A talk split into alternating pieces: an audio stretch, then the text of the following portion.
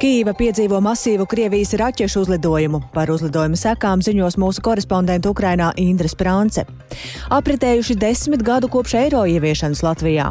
Tas ir ļoti labi, ka mēs kā sabiedrība nolēmām rīkoties tā, kā darīja Igauni, tā kā darīja viena otra cita Eiropas nācija un pievienoties Eirozonai. Un paldies Dievam, arī to lietuvieši izdarīja, kad viss reģions tomēr mums ir pasargāts, mums viņš ir kā Eirozona, mums tur nav jāuztraucās.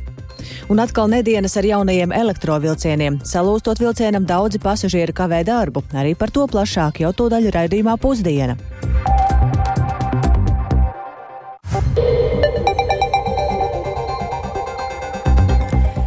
12,5 minūtes. Esiet sveicināti jaunajā gadā, kā Alaša darba dienās šajā laikā skanējuma saka raidījums pusdiena, lai plašāk skaidrotu šodien, 2. janvārī būtisko studijā Dāca Pēkšēna.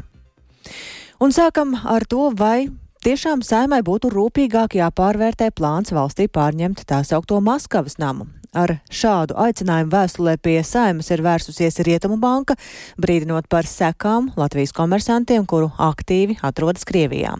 Atbildīgā komisija šo aspektu varētu izvērtēt, bet nevilcināt Maskavas nam pārņemšanu. Tā ir noskaidrojis kolēģis Jānis Kīncis, kurš šobrīd man pievienojas studijā. Sveiks, Jāni, vai tas nozīmē, ka varētu būt kāda vilcināšanās ar Maskavas nam pārņemšanu vai tomēr ne?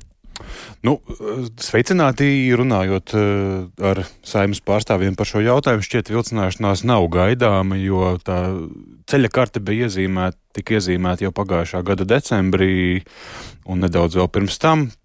Un arī ko liecināja arī saimnes sēdē neilgi pirms Ziemassvētkiem pirmajā lasījumā pieņemtie lēmumi. Pirmkārt par steidzamību šim likumprojektam, tātad nevis trīs, bet divi lasījumi saimā, un arī pirmajā lasījumā jau saimnes vairākumu atbalstu šim jautājumam. Atgādināšu, ka Atgādināšu, ka Saimnes Nacionālā drošības komisija jau norādījusi, ka šajā ēkā arī pēc 2022. gada 24. februāra, kad Krievija sāka pilna mēroga iebrukumu Ukrainā, Maskavas namā ir notikušas aktivitātes, kas liecinājušas par atbalstu Krievijas īstenotajai agresīvajai politikai.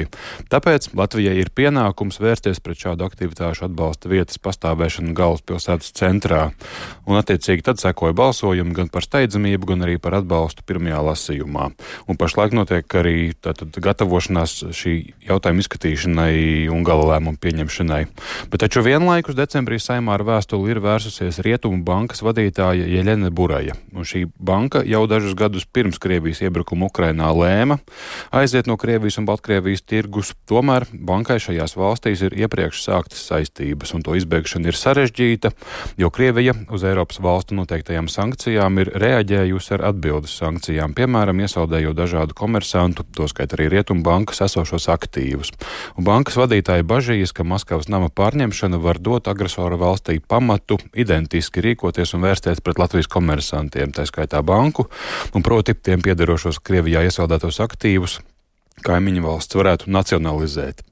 Un runa varētu būt par visai ievērojamām summām. Rietumu bankas pārskats par 2022. gadu liecina, ka bankas riska pozīcija pret Krieviju tā gada beigās bija 129 miljoni eiro, bet pret Baltkrieviju 18 miljoni eiro. Un, galvenais šo riska darījuma apjoms ir kredīti klientiem un debitoru parādi. Un šo saistību izbeigšana ir traucēta, jo Krievija ir ierobežojusi naudas līdzekļu pārskaitīšanu no Krievijas uz Rietumu bankas kontu par katru parādnieku. Un Rietumu banka no sīkākiem komentāriem un saziņas Latvijas radio atturējās, izņemot to, kas vēstulē jau ir uzrakstīts. Un tajā Rietumbankas valdes priekšstādātāja arī norādīja, ka pilnībā izprot tā saucamā Maskavas nama Rīgā pārņemšanu valsts īpašumā arī dzen kā simbolisku un solidāru rīcību ar Ukrainu un tās cīņu pret agresoru. Un lūk, un visus šos minētos Rietumu bankas apsvērumus saimā varētu izvērtēt, taču ar likumprojektu virzību uz priekšu un pieņemšanu nebūtu jākavējas. Tā, uh, Paužot savu personīgo viedokli, Latvijas radio pauda Saimnes aizsardzības, iekšlietu un korupcijas novēršanas komisijas sekretārs deputāts Jānis Krasniņš no jaunās vienotības. Lūk, viņa teiktais. Nu, vismaz tajā aspektā, kā mēs to skatījām arī kopā ar drošības dienestiem, tik daudz, cik tur šādi tādi riski nebija garāks vai lielāks problēmas nesoši. Drošības dienesti uzskatīja to, ka nevajadzētu īpaši kavēties, bet skaidrs, ka tai nākšā komisija sēdīs, ka skatīsim šos priekšlikumus, kādi viņi būs. Nu, šo aspektu noteikti pacelsim ar jautājumu, nu, ja šāda problēma tiek diagnosticēta, kāpēc viņi nepārunās, bet nu, skatīsimies, kas mums parādīsies uz tiem priekšlikumiem uz otro lasījumu. Tik tā deputāts Jānis Krastīņš no Saimnes aizsardzības komisijas, kas šīm jautājumam par Maskavas namu pārņemšanu varētu pievērsties jau nākamnedēļ. Kas tālāk notiek? Kāda ir šī lēmuma virzība attiecībā uz šo jautājumu? Jā, nu šajā nedēļā tātad vēl ir iesniedzami priekšlikumi uz galīgo lasījumu saistībā ar šo likuma projektu, un tad tātad paredzams, ka jau nākamnedēļ Saimnes aizsardzības komisija tos skatīs, un lēmumu projektu uz Saimnes sēdi varētu virzīt jau šajā mēnesī, janvārī. Un Nekustamo īpašumu Marijas ielā 7 ir paredzēts pārrakstīt uz valsts vārda satiksmes ministrijas personā, jo tā ir, jo tai pieder arī šis zemes gabals, uz kā atrodas šī ēka. Un uh, iepriekš minēts, ka saistības ar ēkas uzturēšanu būtu ap pusmiljonu eiro gadā, taču Konkrētāk scenārija par šī nama turpmāk izmantošanu valdībai ziņojumā saimā būs jāiesniedz līdz marta beigām. Un ir jau izskanējis, ka šo ēku ir paredzēts nodot uh, Ukrainas uh, vajadzībām, Ukrainas rīcībā. Paldies Jānim Kīncim, tik tālu par Maskavas namu Rīgā. Tikmēr Ukrainā Krievijas nežēlība turpinās un atkal jau šorīt ir notikušas masīvas apšaudes. Četri cilvēki nogalināti, te jau simt ievainoti šī rīta uzbrukumos Kīvai, Kīvas apgabalam un Harkivai.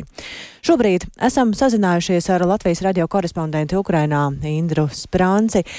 Sveika, Indra, un pirms runājam par to, kāda šobrīd situācija Kijivā, tā kā tu pati esi tur, vaicāšu tev tīri personīgi, kā tu pārdzīvoji šīs apšaudes un kur atradies? Sveiciens, jā, nu, man diemžēl ēka, kurā es dzīvoju, te nav mm, patvēruma pašā ēkā, un, un līdz ar to es ievēroju to principu, ko, kas, ko aicina amatpersonas, proti, lai būtu šīs divas sienas, un, un es visu rītu godīgi arī pavadīju vannas istabā, kā ļoti daudzi Kīvas iedzīvotāji šorīt, kad sākās šie ļoti masīvie un ļoti spēcīgie un ļoti skaļie uzbrukumi kopumā šonakt un, un šo šorīt uz Ukrainu raidītas 99 dažāda tipa raķetes. 72 no tām Ukraiņiem izdevās notriekt, un liels vairums no raķetēm tika raidītas tieši galvaspilsētas Kīvas virzienā, un uh, šobrīd arī turpinās glābšanas darbi un uzbrukuma postījuma apzināšana sešos Kīvas rajonos, kur raķešu atlūzas krita. Tās ir uh, uzkritušas virknē daudzstāvu dzīvojamo māju, lielveikalam, tirgus laukumam, sociālās un civilās infrastruktūras objektiem cietas gāzes vats un daļa pilsētas rajona palikuši bez elektrības un ūdens. Un smagi postījumi ir nodarīti vairākām dzīvojamām mājām, un šobrīd zināms par vienu Kīvas iedzīvotāju sievieti, kas no gūtajām traumām mirusi jau esot mediķu rokās. Vēl divi bojā gājušie ir Kīvas apgabalā, bet situācija visu laiku mainās un pieaug. Diemžēl pieaug cietušo skaits. Kīvas militārā administrācija informē, ka Kīvai un apgabalam uzbrukts gan ar šahed droniem, gan arī spārnotajām šīm te balistiskajām raķetēm. Gaisa trauksme kopumā šeit ilga ap sešām stundām, un sākumā ienaidnieks uzbrucis tikai ar šahed droniem, bet pēc tam uh, grupās un atsevišķi ar uh, raķetēm. Paklausmies fragmentu no Kīvas militārās administrācijas pārstāvu Mihailo Šamāno sacītām. Силами і засобами протиповітряної оборони Tāda masveida raķešu uzbrukuma rezultātā galvaspilsētā diemžēl ir nodarīti postījumi dzīvojamām ēkām, sabojāta infrastruktūra un ir cietušie. Vissmagākā situācija ir Solomjānskas rajonā, kur bojājumi ir nodarīti daudz stāvu dzīvojamām ēkām. Uguns nobloķēja cilvēku izkļūšanu no augšējiem stāviem. Glābēji veids cilvēku evakuāciju. Atbilstoši sākotnējai informācijai šobrīd ir zināms par vismaz 25 cietušajiem. щодо руйнування постраждалих. Jā, un tas bija uz to brīdi. Šobrīd jau cietušo skaits ir pieaudzis zināms par 38 cietušiem Kīvā. Tajā skaitā ir arī bērns un visu laiku šī informācija tiek arī aktualizēta. Postījuma vietās darbu turpina glābēt, turpat darbojas arī palīdzības organizācijas, kas palīdz cilvēkiem, kur mājas nu pat ir izpostīts. Un līdzīgi atbildīgie dienas strādā, lai sniegtu palīdzību Harkivas iedzīvotājiem. Šī ir otrā lielākā Ukrainas pilsēta, un arī tā šorīt ciet ļoti, ļoti tiešām smagā uzbrukumā. Tur arī ir zināms par vienu sievieti, kas nogalināta, un vismaz 41 cietušais, bet tur arī glābēji jau tagad saka, ka būs daudz vairāk. Nu, un arī Harkivā ir nodarīti milzīgi postījumi civilai infrastruktūrai, un pēc uzbrukumiem sākušies vairāki ugunsgrēki, un tur arī turpinās seku novēršanas darbi. Un uz notikušo reaģējis arī prezidents Volodimirs Zelenskis, kas akcentējas, ka šie masveida uzbrukumi turpinās jau trešo dienu, un absolūts vairākums no tiem ir vērsti tieši pa civilajiem objektiem. Un uh, prezidents arī pateicās starptautiskiem partneriem, kas palīdzējuši stiprināt pretgaisa aizsardzību ar patriotām un, un citām iekārtām, nu, tādējādi glābjot daudz ukraiņu dzīvības šajās dienās. Paldies Indrai Sprancei par jaunāko situāciju Ukrainā. Viņa pati šobrīd atrodas Kīvā, un tad, tad dzirdējām vairāk par um, šorīt nodarītajiem Krievijas nodarītajiem postījumiem. Tikmēr um, pēc spēcīgās zemestrīces Japānas rietumos desmitiem cilvēki ir gājuši bojā un simtiem pazuduši bez vēsts. Postījumi ir tik plaši, ka glābšanas un meklēšanas darbi ir apgrūtināti. Turklāt ir iespējami spēcīgi pēcgrūdieni, un tāpēc iedzīvotājs aicina evakuēties uz drošākiem rajoniem. Un šobrīd man pievienojas studijā kolēģis Uldis Česberis, lai pastāstītu vairāk par um, zemestrīces sekām. Saka, Uldi, kāda ir tad šobrīd tā situācija zemestrīces skartajos rajonos? Jā, labdien! Nu, līdz šim ir apstiprināta 48 cilvēku bojā eja šajās, šajā zemestrīcē. Bet, eh, ja, vis, ja par vispēc kārtas, tad eh, šī 7,6 magnitūdas spēcīgā zemestrīce un arī tai sekojošie pēcgrūdieni eh, vissmagāk skāra Isikavas prefektūru Japānas rietumu piekrastē, un zemestrīce izraisīja postošus zemes nogruvumus un arī sagrāva simtiem ēku zem kurām varētu būt aprakts liels daudzums cilvēku, jo nu, zemestrīce notika vakar pa dienu, un tajā laikā daudzi atradās mājās. Un, nu, kā jau daudzi atzīmēja, jaunā gada iestāšanos, un uh, zemestrīce vissmagāk ir um, skārusi klusā okeāna piekrastes pilsētas. Vadzīmu, kur sagruva 25 ēkas, bet vēl vairāk nekā 200 pārņēma liesmas, un arī Suzu, uh, ka, kuras mēs stihijas sekas aprakstīja kā katastrofāls. Un no zemestrīces skartajiem rajoniem Isikavas un arī kaimiņos esošajā Tojamas prefektūrā ir evakuēti 57 tūkstoši cilvēku, bet vairāk nekā 30 tūkstoši mājsaimniecību ir palikušas bez elektrības. Daudzās pilsētās ir pārtraukta arī ūdens padeve, un tas notiek laikā, kad jā, Japānā arī ir ziema ir um, augstas gaisa, te, zemes gaisa temperatūras, un ļoti nepatīkami šādā laikā arī, protams, palikt bez elektrības un ūdens.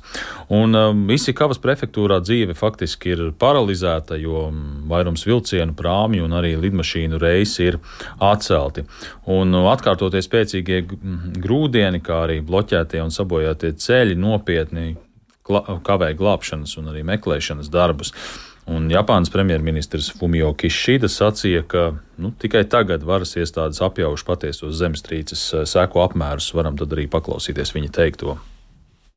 上空からヘリで視察した結果 Esmu saņēmis ziņojumus, ka ir apstiprināti ļoti lieli postījumi, tostarp daudzi cilvēku upuri, sagrautas ēkas un ugunsgrēki.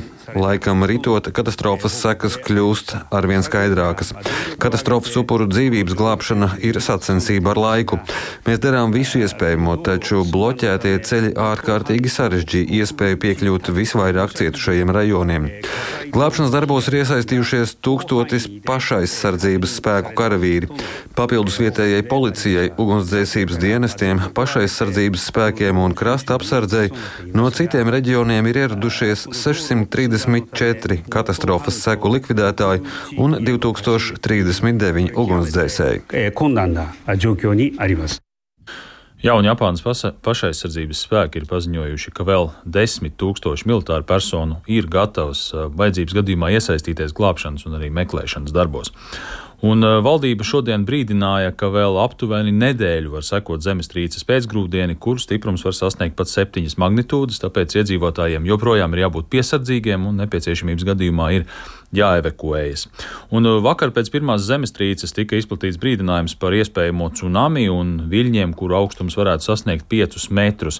Nu, par laimi šīs prognozes nepiepildījās, tāpēc šodien tsunami brīdinājumu atcēla, bet uh, Japānas meteoroloģijas dienests paziņoja, ka ir novērotas ūdens līmeņa izmaiņas, tāpēc aicināja valsts rietumu piekrastes iedzīvotājus izvairīties no darba okeānā. Un vairākas valstis, tostarp ASV, Kanāda, Lielbritānija un Itālija ir piedāvājušas Japānai arī palīdzību zemestrīces seku likvidēšanā, kas visticamāk turpināsies vēl noteikti vairākas nedēļas. Paldies! Ultim Česberim tas tātad par um, spēcīgo zemestrīci Japānas rietumos. Bet pašmājās ir pagājuši desmit gadi kopš 2014. gada 1. janvārī Latvijā ieviesa eiro. Tobrīd jau desmit gadus Latvija bija Eiropas Savienības dalība valsts un bija 18. valsts, kas no savas nacionālās valūtas, mūsu gadījumā no latiem, pārgāja uz eiro. Kā šie desmit gadi ir pagājuši, kā iestāšanos Eirozonā vērtē eksperti, sabiedrība un kādi ir ieguvumi no tā, ka mums ir eiro, to visu centās noskaidrot kolēģi Agnija Lazdeņa. Sveika, Agnija, un saki, nu, tolaik vairākums, jeb 83% Latvijas iedzīvotāju atbalstīja eiro ieviešanu, kas ir neparasti augsts atbalsts, vai ir kādi dati, ko šobrīd saka cilvēki tagad, kad ir pagājuši desmit gadi pēc eiro ieviešanas? Labdien! Jā, pētījumu centrs Norstat sadarbībā ar mediju portālu LSMLV decembrī veic iedzīvotāju aptauju, izveicājot vairāk nekā tūkstots respondentu, un eh, dati liecina, ka desmit gadus pēc eiro ieviešanas Latvijā pārēju uz eiro valūtu par labu lēmumu uzskata 51% Latvijas iedzīvotāju, un eh, biežāk to pozitīvi vērtē jaunākie iedzīvotāji, Rīgas un Pierīgas iedzīvotāji, latvieši un cilvēki ar augstākiem ienākumiem. Bet, eh, kopā par eiro saka eksperti, piemēram, Latvijas bankas padomes loceklis un tā laika, proti pirms desmit gadiem, kad eiro ieviesa, Latvijas finanšu ministrs Andris Vilks norāda, ka tas, ka mēs tagad esam iekļauti krietni lielākā finanšu telpā kā līdzvērtīgi partneri, esot viennozīmīgi pozitīvi ietekmējis to, ka mēs esam stiprāki pret dažādiem ārējiem šokiem, spekulācijām, politiskajām ietekmēm un arī to, kāda ir bijusi vide saistībā ar eiro ieviešanu. Tāpat viņš atzīst, ka zaudējumi problēmu šeit neredz, jo, piemēram, inflācija būtu mūs skārusi neatkarīgi no tā, vai mums tagad būtu vai arī nebūtu eiro, vienīgi viņš pieļauj, ka inflācija šobrīd būtu bijusi krietni augstāka, ja mums būtu vēl lati. Un uh, viņa prāt Latvijai tolaik bija skaidra vīzija un mērķis, un visa sabiedrība kopumā bijusi vienota šajā vēlmē pārvarēt krīzi, tāpēc eiro ieviešana vērtējumi pozitīvi gan tagad, gan tagad, gan arī pirms desmit gadiem. Tas ir ļoti svarīgi, manuprāt. Tieši šajā brīdī mums nav jābētājās par valūtu. Mums ir skaidri tie likumi un likumsakarības un arī investīcija vide ļoti stabila un pārliecinoša. To arī parāda kredītreitinga aģentūras, teiksim, aģentūra dati un arī tā, tā pieeja, kāda ir attiecībā uz Latviju. Tā kā tas ir pilnīgi skaidrs, jo ir sarežģītāka situācija pasaulē vai apkārt, jo ir labāk, ka tu esi pasargāts zem NATO karoga, zem Eiro karoga, zem Eiropas Savienības karoga. Tas ir viennozīmīgi svarīgs faktors faktors. Un tas ir ļoti labi, ka mēs kā sabiedrība nolēmām un beigās bija ļoti spēcīgs atbalsts. Tomēr rīkoties tā, kā ir darīja Igauni, tā kā darīja viena otra cita Eiropas nācija un pievienoties Eirozonai. Un paldies Dievam, arī to lietuvieši izdarīja, kad viss reģions tomēr mūs ir pasargāts, mums viņš ir kā Eirozona, mums tur nav jāuztraucās. Arī uzņēmuma Latvijas finieris tā laika padomas priekšsēdētājs Juris Biķis vērtē eiro ieviešanu kā pozitīvu, atminoties, ka to laika valdībai, bankai nācās ieguldīt lielas pūles, lai mobilizētos un spētu eiro ieviešanu padarīt par ko labu un nepieciešamu. Paklausīsimies viņa teikto. Nu, vispirms es domāju, notiek stabilitāte, jo tālāk daudz varbūt arī šādi ekonomiski kritumi vai cēlumi, tomēr šis eiro bāze rada stabilitāti. Tas ir pats galvenais, manuprāt. Nu, tālāk, protams, tie ir visi saimnieciskie ekonomiskie tirgus darījumi. Nav šīs valūtas kursu svārstības daudzās un katrā valstī savu valūtā. Es domāju, tas ir ļoti, ļoti būtiski. Varbūt it sevišķi, kas strādā ārpus Latvijas uz eksportu, to jau ļoti izjūt.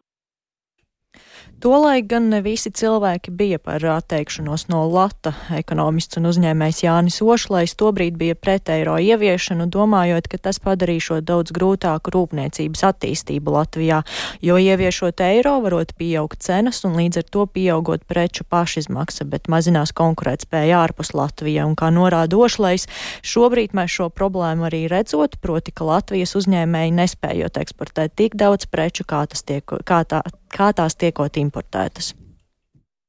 Es domāju, ka centrālais ieguvums ir nu, vairāk tāds simbolisks un psiholoģisks. Tas, ka mēs esam Eirozonā, es domāju, ka tas varbūt ir tāds plus, jo tas nodrošina mums lielāku drošību. Es domāju, jo, piemēram, Krievijai uzbrukt, ka valstī, kas atrodas Eirozonā un Eiropas Savienībā un NATO, tas ir gandrīz neiespējami. Tāpēc es domāju, ka mums drošības situācija ir laba un labāka pateicoties Eiro. Bet mans nosauktās problēmas, proti tas, ka mūsu uzņēmumu konkurētspēja ārējos tirgos, pateicoties eiro, ir pasliktinājusies, pastāv nu, kā reāla problēma. Tas ir tas, kādēļ es jau no paša sākuma brīdināju, ka eiro ieviešana nav kaut kāda burļu noņa vai panacei, un eiro ieviešanai ir šīs reālās problēmas.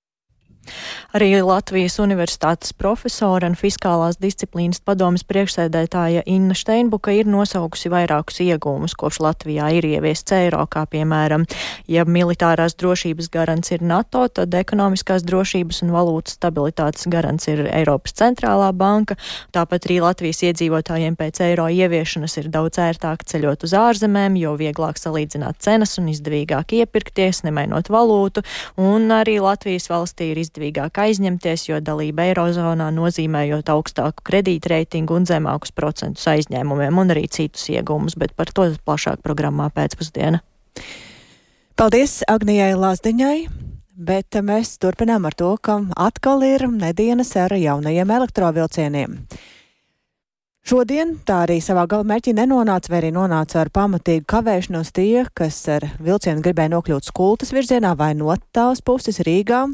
Dzelzceļa līnijā Rīgas kulte šorīt elektrovilcienu kavē līdz pat trim stundām, un viens no tiem, kam plāni kardināli mainījās, ir arī kolēģis Viktors Demidovs, kurš šobrīd gan ir ticis līdz studijai. Sveiks, Viktor! Jā, nu, ko tad saka pasažieri un kāpēc atkal mums ir jārunā par tehniskām problēmām? Jā, sveicināti. Nu, izstāstīšu to personīgo stāstu. Nu, pēc astoņiem rītā stacijā Garciems, kas ir pusstundas braucienā no Rīgas, pamanīju, ka stāv jaunais elektrovilciens un, lai tiktu iekšā, spiedu uz durvju atvēršanas pogu, bet durvis neatvērās. Nu, tad gāju pie nākamā arī nekā. Nu, tad durvis ar rokām atvēra vilciena konduktori, saucot, lai nāku iekšā. Un vilcienā bija pilnīga tumsa, attiecīgi nedarbojās klimata kontrole, un dzirdēju, ka pasažieri zvanīja uz darbu, arī uz pasažieru vilciens uzziņas tālruni, lai saprastu, nu, kad varēs nokļūt uz Rīgu. Un izrādījās, ka vilciens Garciemā stāv jau pusstundu. Arī es piezvanīju uz informatīvo tālruni un noskaidroju, ka jaunais sastāvs ir salūzis, un tam pakaļ tūlīt atbrauks kāds cits sastāvs, kas šo aizvedīs uz Rīgu. Un tā arī notika. No skultes puses atbrauca cits jaunais sastāvs, kuru savienoja ar salūzušu. Un, un kamēr darbinieki darbojās, pagāja vismaz pusstunda, ja ne vairāk. Un pasažieris aicināja otrajā sastāvā, kur bija silts un gaišs. Un tad gaidījām vēl kāds 15 minūtes. Pēcāk visus izdzina, paziņojot, ka šis mums uh, pakaļ, atbrau, ka mums pakaļ atbrauks cits sastāvs. Un tad nu, kopumā kavējām divas, uh, ja ne pat trīs stundas, un tad lūdzu noklausīsimies cilvēkus. Nu, jaunie vilcieni jānotestē. Slikti tas, ka ne, ne, pat sabiedriskais neiet. Autobus tikai 11.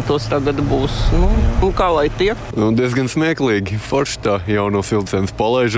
Pirmo reizi es būtu braucis ar jauno vilcienu, bet laikam ies garām kaut kā. Nu, principā es braucu no nu, zvejnieka ciemā. Tas ir, vilciens pie 6, nu, 29. Tur pusdesmit. Jā. Jā, jā diezgan labi. Nu, divas stundas vismaz. Nu, Priekš kam tāda miska vajadzīga? Labāk vecs, kas brauc, nevis. Nu, ko es tur varu pateikt?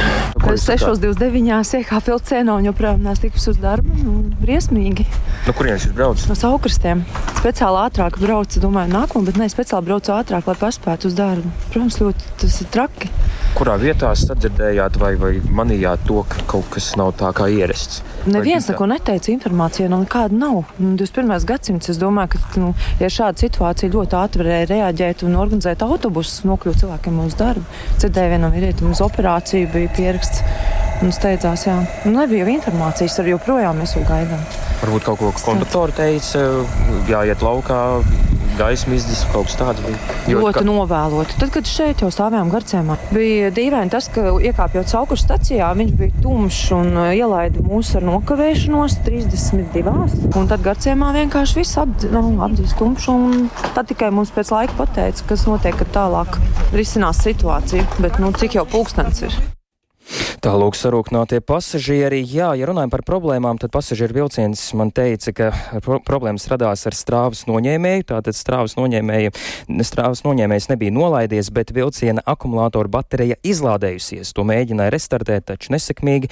Vai tas ir saistīts ar salu? Nu, pasažieru vilciens to nevēlējās apgalvot, ka, tā, ka eksperti to visu skatīsies un, un pētīs, bet uh, aģentūra Lete raksta, ka problēmas tagad ir konstatēts pat ar pieciem vilcieniem. Un sanāk, ka no 11 sastāviem jau problēmas ir ar nu, vairākiem. Mm -hmm. Paldies Viktoram Demīdovam. Tas stāsts par vilcieniem, un ar to tad arī skan šobrīd raidījums pusdiena. To producēja Lauris Zvēnieks, ierakstus montēja Uldis Grīnbergs par labskaņu rūpējās Rīta Karneča un ar jums sarunājās Dāca Pēkšēna. Mūsu raidījums arī Latvijas radio mobilajā lietotnē.